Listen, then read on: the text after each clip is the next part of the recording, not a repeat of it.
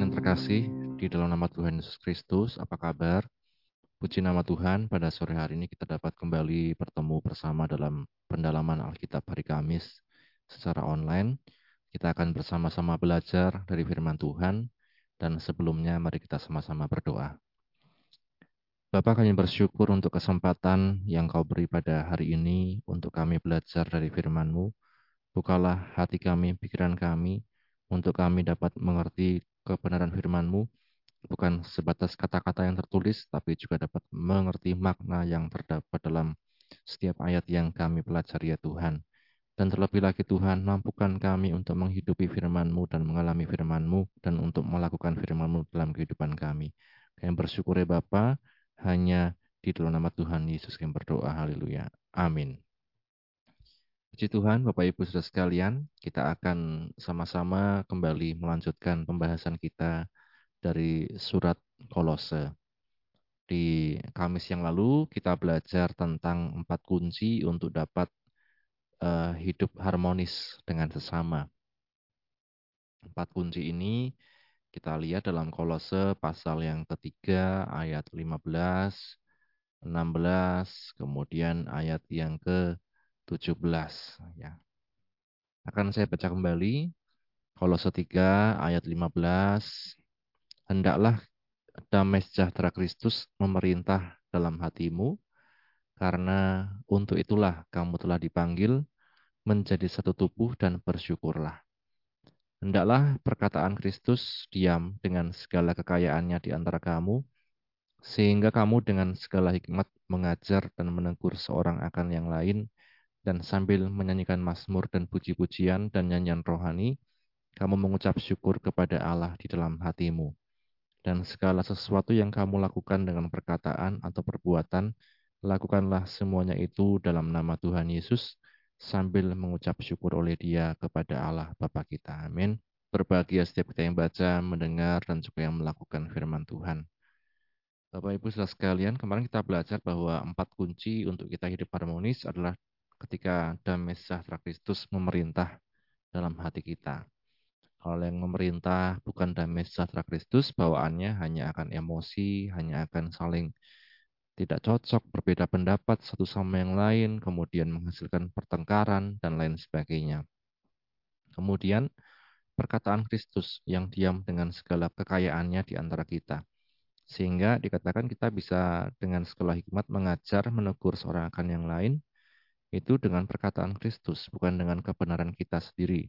Dan sambil apa dikatakan menyanyikan mazmur, puji-pujian, nyanyian rohani, kita mengucap syukur kepada Allah dalam hati kita. Kemudian di ayat 17 dikatakan, dan segala sesuatu yang kamu lakukan dengan perkataan atau perbuatan, lakukanlah semuanya itu dalam nama Tuhan Yesus. Nah, kita melihat lakukan semuanya di dalam nama Tuhan Yesus, baik perkataan, perbuatan, dan lain sebagainya sehingga kita dapat terus ingat kepada Tuhan kalau kita lakukan di dalam nama Tuhan Yesus Kristus. Kemudian yang keempat dikatakan ada satu hal yang dikatakan terus-menerus di ketika ayat ini adalah sambil mengucap syukur oleh dia kepada Allah Bapa kita. Kemudian kamu mengucap syukur kepada Allah dalam hatimu. Kemudian dan bersyukurlah. Jadi yang keempat adalah bersyukur, Bapak Ibu saudara sekalian. Bersyukurlah dalam segala keadaan, dalam segala waktu. Dikatakan itulah yang dikehendaki Allah untuk kita sekalian. Dan sore hari ini kita belajar tentang tujuh hal yang menjadi sikap dasar kita sebagai anak Tuhan untuk kita menjalin relasi dengan sesama. Bapak Ibu saudara sekalian kalau kita melihat dalam surat Kolose hampir seperti surat Efesus, hampir sama di awal-awal dikatakan ada berbagai macam teologi, berbagai macam pengertian tentang Kristus, tentang korban Kristus, tentang keselamatan, dan kemudian di bagian-bagian akhir, pasal-pasal akhir, dijelaskan bagaimana kemudian kita menerapkan pemahaman tersebut dalam satu sikap hidup. Nah, maka beberapa kali saya sampaikan kemarin tentang bagaimana cara agar harmonis dengan sesama. Nah, sekarang bagaimana sikap-sikap dasar. Ini sikap dasar ya. Jadi seharusnya kita tanpa harus banyak diajari sudah pasti tahu tentang sikap dasar untuk bergaul dengan sesama, menjalin relasi dengan sesama kita. Kita lihat Bapak Ibu dalam ayat-ayat selanjutnya, kita buka dalam kolose pasal yang ketiga, di ayat yang ke-18 sampai pasal 4 ayat 1. Kolose 3 ayat 18, Hai istri-istri tunduklah kepada suamimu sebagaimana seharusnya dalam Tuhan. Hai suami-suami kasihilah istrimu dan janganlah berlaku kasar terhadap dia. Hai anak-anak taatilah orang tuamu dalam segala hal karena itulah yang indah di dalam Tuhan. Hai bapak-bapak, janganlah sakiti hati anakmu supaya jangan tawar hatinya. Hai hamba-hamba, taatilah Tuhanmu yang di dunia ini dalam segala hal, jangan hanya di hadapan mereka saja untuk menyenangkan mereka, melainkan dengan tulus hati karena takut akan Tuhan. Apa pun juga yang kamu perbuat, perbuatlah dengan segenap hatimu seperti untuk Tuhan dan bukan untuk manusia. Kamu tahu bahwa dari Tuhanlah kamu akan menerima bagian yang ditentukan bagimu sebagai upah. Tuhan Kristus adalah Tuhan dan kamu hambanya.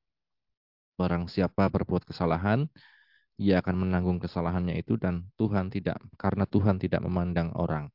Kemudian pasal 4 ayat 1, Hai tuan-tuan, berlakulah adil dan jujur terhadap hambamu. Ingatlah kamu juga mempunyai Tuhan di sorga. Ini Bapak Ibu ada berbagai macam relasi kita sebagai orang percaya tentu bukan hanya kita hidup di gereja, kita hidup juga di luar.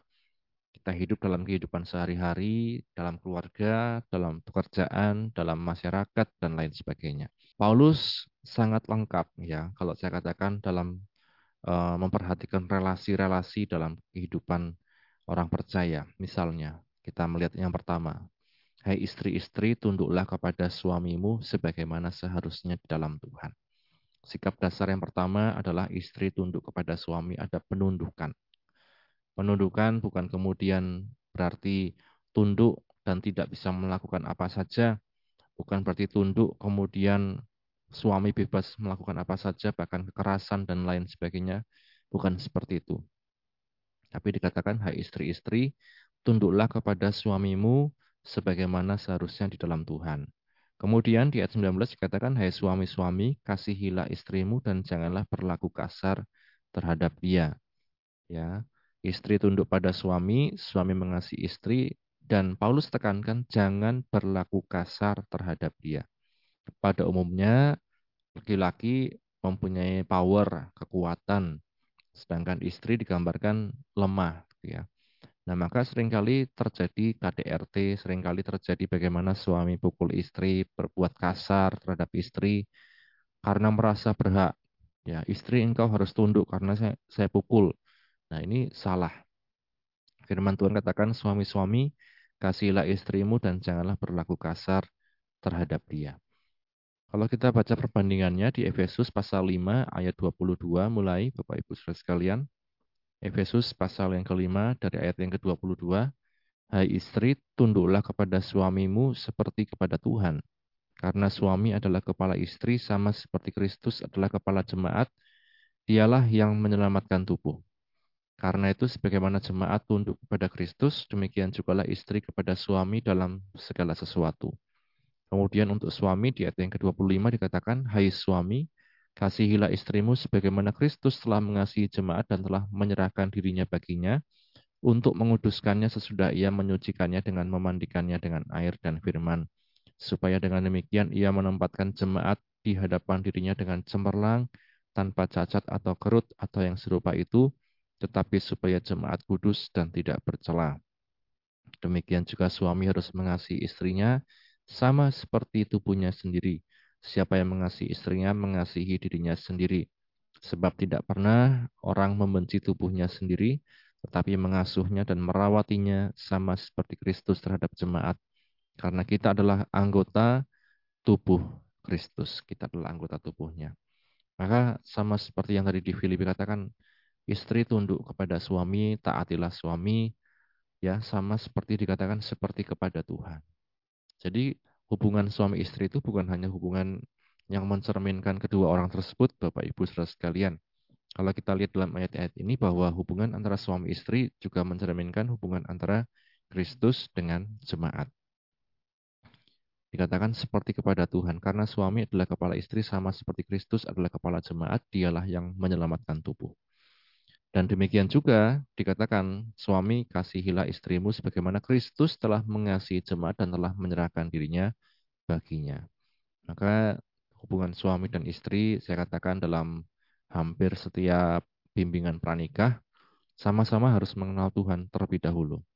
Sama-sama harus berada di dalam Kristus Yesus terlebih dahulu. Kalau tidak, sering kali sulit Bapak Ibu, saudara sekalian. Karena harus menyesuaikan ini dan itu. Tapi kalau kita sama-sama mengenal Tuhan, sama-sama di dalam Kristus dikatakan, kita bisa kenal Kristus bagaimana dia mengasihi jemaat, bagaimana dia menyerahkan dirinya untuk jemaat. Inilah yang menjadi inti dari relasi hubungan suami istri. Dikatakan di ayat 32 ya, dari Efesus 5 ayat 32. Rahasia ini besar, tetapi yang aku maksudkan ialah hubungan Kristus dan jemaat. Ayat 33, bagaimanapun juga bagi kamu masing-masing berlaku, kasihilah istrimu seperti dirimu sendiri, dan istri hendaklah menghormati suaminya. Ya, kembali diulang, intinya adalah kasihilah istrimu seperti dirimu sendiri, tidak mungkin akan disakiti, tidak mungkin akan dipukul, dikasari, dan lain-lain dan istri hendaklah menghormati suaminya. Mentaati, tunduk dalam arti seperti kepada Tuhan.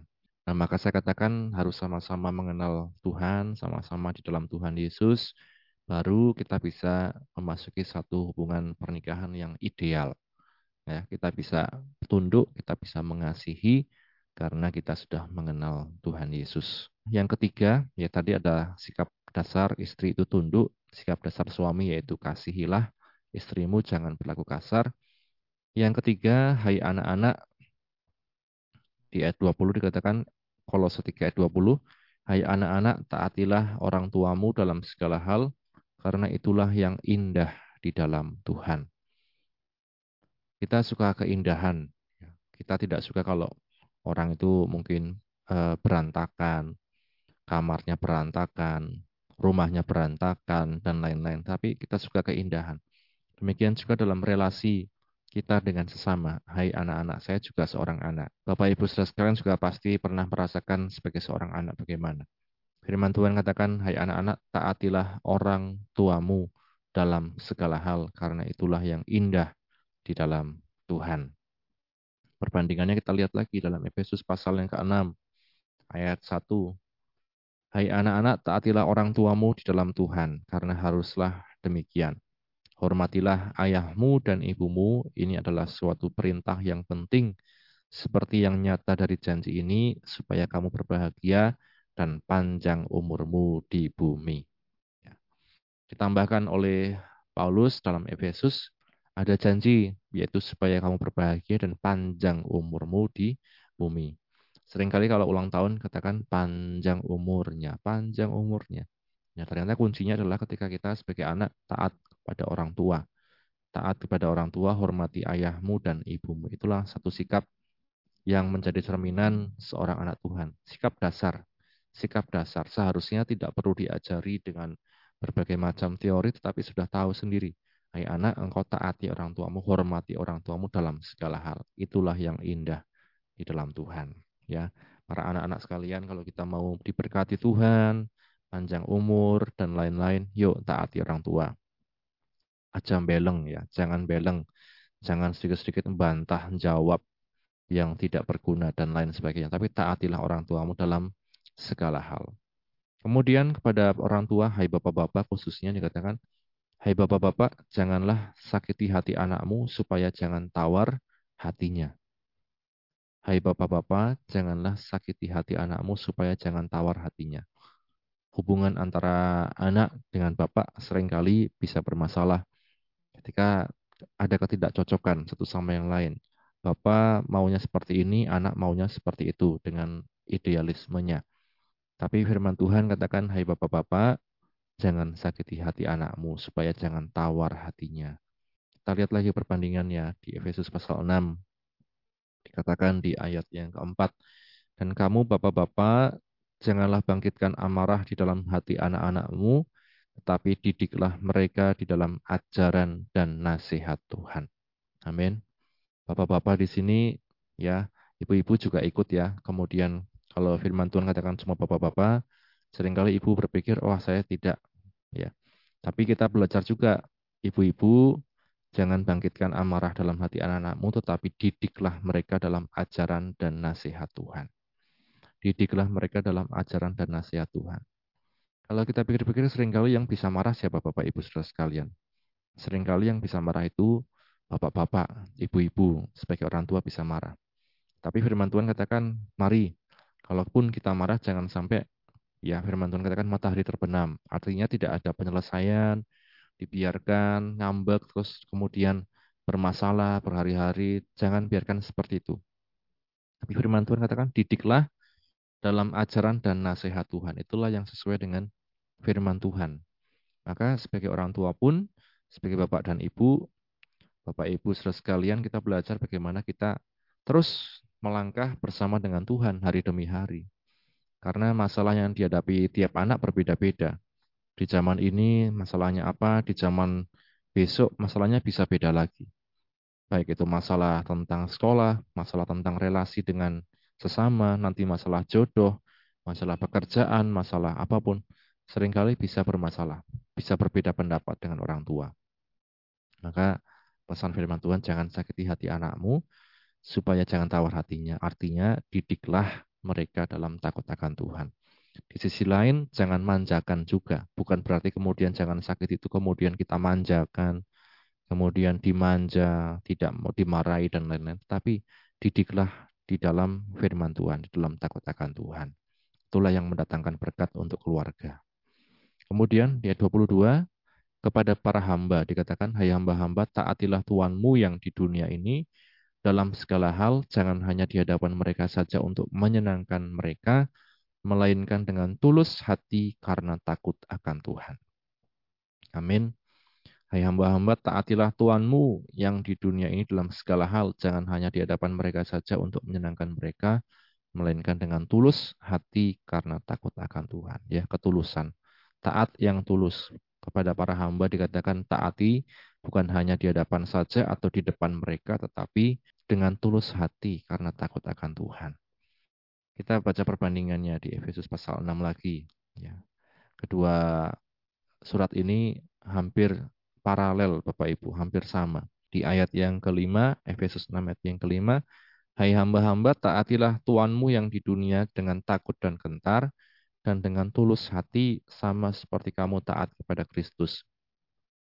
Jangan hanya di hadapan mereka saja untuk menyenangkan hati orang, tetapi sebagai hamba-hamba Kristus yang dengan segenap hati melakukan kehendak Allah. Dan yang dengan rela menjalankan pelayanannya seperti orang-orang yang melayani Tuhan dan bukan manusia. Nah ini Bapak Ibu sekalian dikatakan, Hai hamba-hamba, taatilah Tuhanmu yang di dunia dengan takut dan gentar dan dengan tulus hati, sama seperti kamu taat kepada Kristus. Jangan hanya di hadapan mereka saja untuk menyenangkan hati orang, tetapi sebagai hamba-hamba Kristus yang dengan segenap hati melakukan kehendak Allah, yang dengan rela menjalankan pelayanannya seperti orang-orang yang melayani Tuhan dan bukan manusia. Ini Bapak Ibu, saudara sekalian, kalau kita saat ini berposisi sebagai pekerja, karyawan, hamba di mana pun, dikatakan taat dengan tulus, sama seperti kepada Kristus, jangan hanya di depan mereka atau munafik, tetapi sebagai hamba-hamba Kristus yang dengan segenap hati melakukan kehendak Allah, dengan rela menjalankan pelayanannya seperti orang yang melayani Tuhan dan bukan manusia. Ini Bapak Ibu sekalian dalam hubungan kita sebagai pekerja dan majikan dan tuan, hamba dan tuan. Tadi ada hubungan antara istri, ya dikatakan tunduklah kepada suamimu. Yang kedua, suami kasihilah istrimu, jangan berlaku kasar. Tiga, anak-anak taatilah orang tuamu.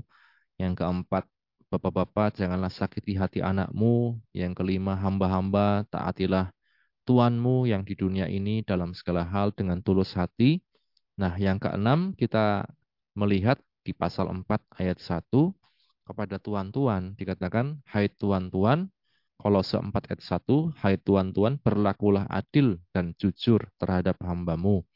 Ingatlah kamu juga mempunyai Tuhan di sorga. Amin.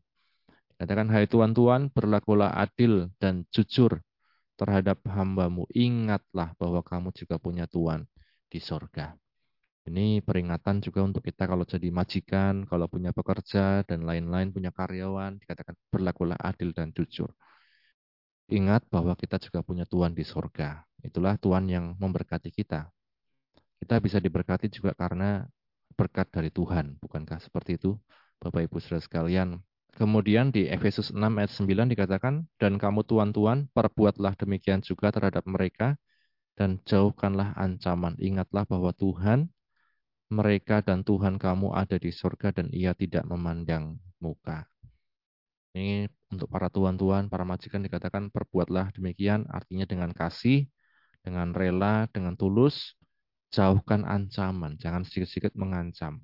Nah, maka dikatakan ingatlah bahwa Tuhan mereka dan Tuhan kamu ada di surga dan ia tidak memandang muka. Bahwa kita juga mengabdi kepada Tuhan kita di surga. Kita ingin diberkati, kita ingin bisnis kita lancar, kita ingin hidup kita baik, diberkati Tuhan. Maka ingat selalu bahwa kita punya Tuhan, yaitu Tuhan di sorga.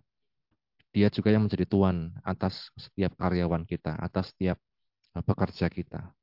Ketika kita lakukan pekerja kita dengan tidak baik, ya meskipun mereka baik ya, maksudnya tidak berbuat kesalahan, tentu kita berurusan bukan hanya kepada dia, tetapi kepada Tuhan di sorga. Nah maka firman Tuhan katakan, selalu ingat bahwa ada Tuhan kita juga di surga yang tidak memandang muka. Amin. Yang terakhir, sebagai kesimpulan, ya, yaitu sikap dasar yang ketujuh, dikatakan di ayat 23, Apa pun juga yang kamu perbuat, perbuatlah dengan segenap hatimu, seperti untuk Tuhan dan bukan untuk manusia. Ayat 24, kamu tahu bahwa dari Tuhanlah kamu akan menerima bagian yang ditentukan bagimu sebagai upah. Kristus adalah Tuhan dan kamu hambanya. 25. Barang siapa berbuat kesalahan, ia akan menanggung kesalahannya itu karena Tuhan tidak memandang orang. Jadi yang menjadi kesimpulan di sini Bapak Ibu di ayat 23, apa pun yang kamu perbuat, perbuatlah dengan segenap hatimu seperti untuk Tuhan dan bukan untuk manusia. Secara khusus mungkin para pelayan Tuhan, kita melayani Tuhan, pastikan bahwa kita lakukan itu untuk Tuhan dengan segenap hatimu, perbuat segenap hatimu seperti untuk Tuhan dan bukan untuk manusia. Wah, saya melayani tidak diupah, saya melayani tidak digaji. Di ayat 24 dikatakan, kamu tahu bahwa dari Tuhanlah kamu akan menerima bagian yang ditentukan bagimu sebagai upah. Kristus adalah Tuhan dan kamu hambanya. Ayat 25 peringatannya, barang siapa berbuat kesalahan, ia akan menanggung kesalahannya itu karena Tuhan tidak memandang orang. Kita lihat lagi perbandingannya di Efesus 6 ayat yang ke-8. Kamu tahu bahwa setiap orang, baik hamba maupun orang merdeka, kalau ia telah berbuat sesuatu yang baik, ia akan menerima balasannya dari Tuhan. Amin. Dalam kekristenan tidak tabu ya untuk membicarakan tentang kalau saya berbuat sesuatu yang baik, apa balasannya? Nah, firman Tuhan katakan kalau ia berbuat sesuatu yang baik, ia akan menerima balasannya dari Tuhan. Baik dia hamba, baik dia orang merdeka, setiap orang dikatakan akan menerima balasannya dari Tuhan. Itu juga yang saya percaya sampai sekarang ketika saya melayani, melayani Tuhan di bidang apa pun, saya percaya balasannya dari Tuhan, bukan hanya dari manusia. Ya, kita melihat inilah yang menjadi satu prinsip dalam kita melayani Tuhan sampai pada akhirnya, Bapak Ibu Saudara sekalian. Jangan lupakan bahwa kita punya Tuhan di surga. Dia yang berkuasa atas segalanya. Maka saya ulangi kembali tujuh sikap dasar untuk kita menjalin relasi dalam keluarga. Hai istri, tunduklah kepada suamimu sebagaimana seharusnya dalam Tuhan. Hai suami, kasihilah istrimu, jangan kasar terhadap dia. Ingat bahwa hubungan suami istri itu juga menunjukkan hubungan antara Kristus dengan jemaat.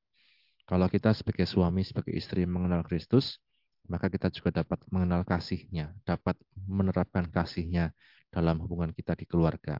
Sebagai anak, dia 20 dikatakan, Hai anak-anak, taatilah orang tuamu dalam segala hal, itulah yang indah di dalam Tuhan. Bisa berbeda pendapat, tetapi anak-anak taat. Taatilah orang tuamu dalam segala hal, itulah yang indah dalam Tuhan. Kalau ada perbedaan pendapat, bicarakan dengan baik-baik. Tapi jangan bersikap kurang ajar. Tapi taatlah. Ya, itulah yang indah di dalam Tuhan. Kepada bapak-bapak, kepada para orang tua dikatakan, Hai bapak-bapak, janganlah sakiti hati anakmu, supaya jangan tawar hatinya. Kita bisa berbeda pendapat, kita mungkin punya pengalaman lebih, tapi hargai pendapat anak kita, misalnya berbeda pendapat, dan jangan sedikit-sedikit menyakiti hati anaknya. Engkau anak yang tidak berguna, untuk apa saya melahirkan kamu kalau kamu bisanya cuma seperti ini. Tapi akomodasi setiap pendapatnya, kemudian firman Tuhan katakan, didik di dalam firman Tuhan, dalam takut akan Tuhan. Itulah yang berkenan kepada Tuhan. Bukan dalam arti kemudian memanjakan, mengiyakan semua permintaannya, tetapi berikan dia pengertian sesuai dengan firman Tuhan. Dan kalau memang masih sulit diberi pengertian, doakan. Inilah yang dikatakan oleh firman Tuhan. Maka dikatakan itulah yang berkenan kepada Tuhan. Jangan dengan menyakiti hati anak. Hubungan pekerja dengan Tuhan. Hai hamba-hamba, taatilah Tuhanmu. Kalau kita sebagai pekerja, sebagai karyawan, taatilah Tuhanmu. Jangan hanya di depan mereka atau munafik, tetapi juga dengan tulus hati karena takut akan Tuhan. Kemudian hubungan majikan dengan pekerja, hai tuan-tuan, berlakulah adil dan jujur terhadap hambamu, ingatlah bahwa kamu juga mempunyai Tuhan di sorga. Ini Bapak Ibu sekalian yang dikatakan firman Tuhan. Kita juga punya Tuhan di sorga. Bukan hanya majikan itu, tapi kita juga punya Tuhan di sorga yang akan membela kita kalau kita diperlakukan tidak adil. Maka Tuhan-Tuhan selalu ingat kita punya Tuhan di surga. Tuhan kita sama Tuhan di surga itulah yang memberkati setiap kehidupan kita. Dan kesimpulannya, prinsip dasar atau sikap dasar yang ketujuh, di ayat 23 dikatakan, apa pun juga yang kamu perbuat, perbuatlah dengan segenap hatimu, seperti untuk Tuhan dan bukan untuk manusia. Kamu tahu bahwa dari Tuhanlah kamu akan menerima bagian yang ditentukan sebagai upah. Mungkin kita bekerja, wah kok tidak dibayar, tidak dikasih perhatian, tidak dikasih apresiasi, dan lain-lain. Pastikan bahwa kita selalu melakukan yang terbaik. Maka Tuhanlah yang akan memberikan upah, kesehatan, kekuatan, umur panjang dengan segala sukacita dan damai sejahtera yang daripadanya. Itulah yang berguna untuk setiap kehidupan kita. Di ayat 25 ini juga yang menjadi peringatan untuk kita. Barang siapa berbuat kesalahan, ia akan menanggung kesalahannya itu karena Tuhan tidak memandang muka. Apa pun posisi kita, istri, suami, anak, orang tua, hamba Tuhan dikatakan kalau memang berbuat kesalahan ya ia akan menanggung kesalahannya itu karena Tuhan tidak memandang muka. Maka kita pegang tujuh prinsip dasar ini. Dikatakan prinsip dasar karena seharusnya tidak perlu diajari dengan kerumitan dan berbagai macam cara, tetapi kita sudah tahu posisi kita. Bisa menempatkan diri. Kalau kita sebagai istri, ya tempatkan diri sebagai istri. Kita sebagai suami, tempatkan diri sebagai suami. Kita sebagai anak, sebagai orang tua, tempatkan diri masing-masing sebagai pekerja, sebagai majikan atau tuan, kita juga menempatkan diri sesuai dengan porsi kita masing-masing. Maka berkat yang dari Tuhan itu pasti akan menyertai setiap kehidupan kita, pribadi lepas pribadi, maupun dalam keluarga kita, di pekerjaan kita, di sekolah kita, di mana pun kita berada. Amin firman Tuhan yang saya sampaikan pada sore hari ini. Mari sama-sama kita berdoa. Bapak kami bersyukur untuk firman-Mu yang telah kami baca, kami renungkan, kami dengarkan. Tuhan tolong kami untuk hidup dalam kebenaran-Mu ya Tuhan. Untuk kami dapat menerapkan sikap-sikap dasar kami sebagai anak-anak-Mu ya Tuhan dalam keluarga kami, entah kami sebagai istri, sebagai suami, sebagai anak, sebagai orang tua, maupun dalam pekerjaan kami, kami sebagai pekerja, sebagai majikan, dalam sekolah kami, sebagai murid, sebagai guru Tuhan, dan dalam setiap bidang apa pun yang kami jalani. Tolong kami untuk menjadi anak-anakmu yang taat ya Tuhan. Mampukan setiap anak-anakmu untuk melakukan firman-Mu dan untuk hidup dalam firman-Mu dan untuk mengalami berkat-berkat dalam firman-Mu ya Tuhan. Berkatilah setiap anak-anakmu yang sudah mendengar firman-Mu Tuhan di mana pun berada. Baik yang sakit disembuhkan, yang lemah dikuatkan, yang susah dihiburkan, yang sedang dalam permasalahan berikan jalan keluar ya Tuhan. Kami bersyukur ya Bapak, ini doa kami Tuhan. Kami akhiri Tuhan PA kami di Kamis hari ini hanya di dalam nama Tuhan Yesus kami berdoa. Haleluya. Amin. Puji nama Tuhan, Bapak Ibu saudara sekalian, Tuhan Yesus memberkati. Amin.